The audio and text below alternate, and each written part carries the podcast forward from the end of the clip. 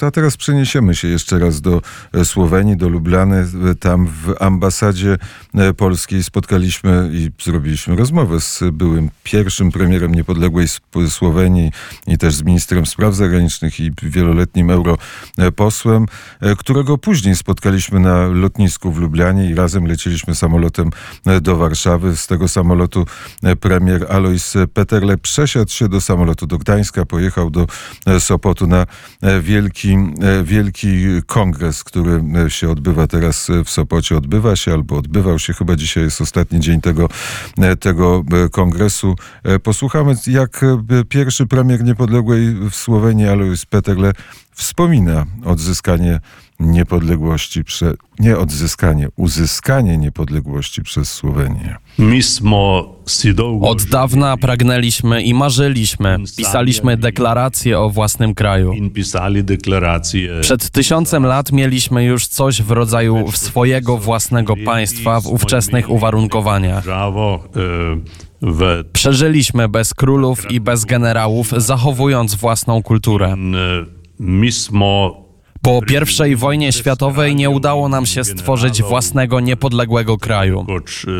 Kraj, który stworzyliśmy wspólnie z Serbami i Chorwatami, wkrótce stał się krajem pod serbską dyktaturą.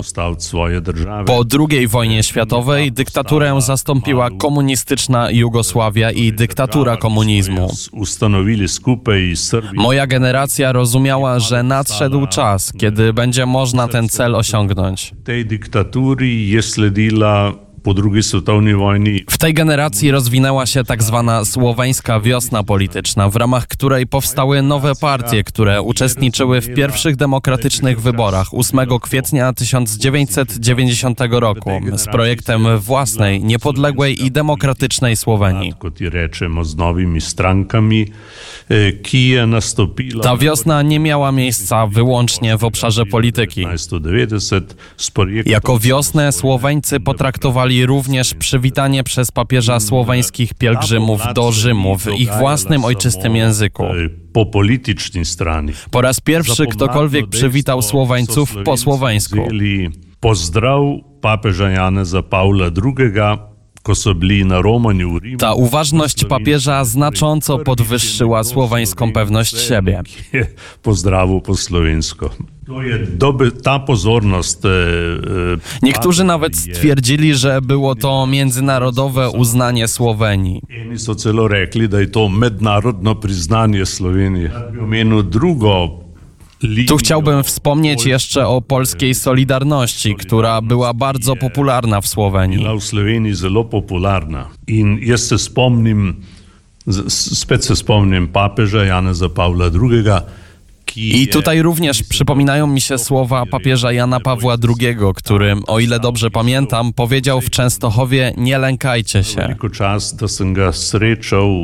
da Imel sem priliko govoriti z njim na. In on To zdanie słychać było w całej komunistycznej Europie. je nas popolnoma razumel. Ni bilo treba razlagati, zakaj. Miałem honor spotkać papieża aż dziewięciokrotnie. Miałem również okazję rozmawiać z nim osobiście, w cztery oczy. šel v državno tajništvo in je sam narekoval besedilo priznanja. Ten człowiek, który miał za sobą doświadczenia zarówno nazizmu i komunizmu, nas bardzo dobrze rozumiał. Wcale nie trzeba było tłumaczyć, dlaczego chcemy mieć swój własny kraj. Z jego słowami Watykan uznał niepodległą Słowenię dwa dni przed uznaniem jej przez Unię Europejską. malce breku. Udał się osobiście do kancelarii i podyktował słowa międzynarodowego uznania Słowenii. Ampak na dan, bila izvoljena moja jugoslovanska Janowi Pawłowi jesteśmy bardzo wdzięczni za jego prawdziwe, ogromne poparcie. praznih rok. Ja kierowałem koalicją sześciu partii, które popierały odzyskanie niepodległości. zgodilo, smo bili na dan napada pripravljeni. Zelo Natomiast stare siły polityczne popierały dalsze funkcjonowanie Słowenii w ramach Federacji Jugosławii, opartej na nieco bardziej demokratycznych zasadach.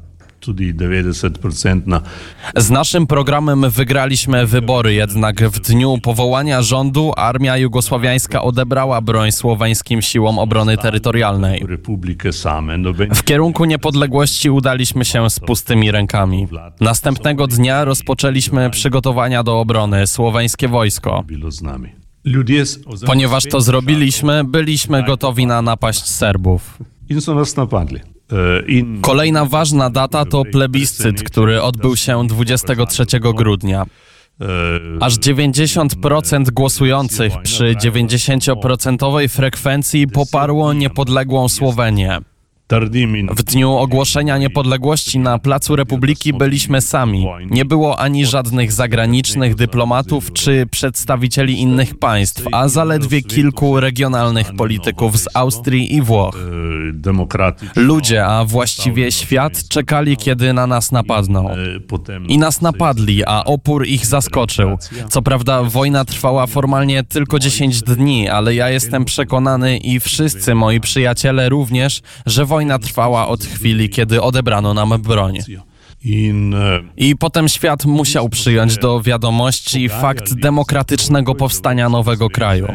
Potem rozpoczęło się różnicowanie. 91 Pamiętam moje spotkania z Helmutem Kohlem, kanclerzem Niemiec, który bardzo dobrze rozumiał historię i demokrację. Z trójką z Unii Europejskiej wynegocjowaliśmy w lipcu 1991 na Brioni wstrzymanie na trzy miesiące uzyskiwania przez Słowenię niepodległości.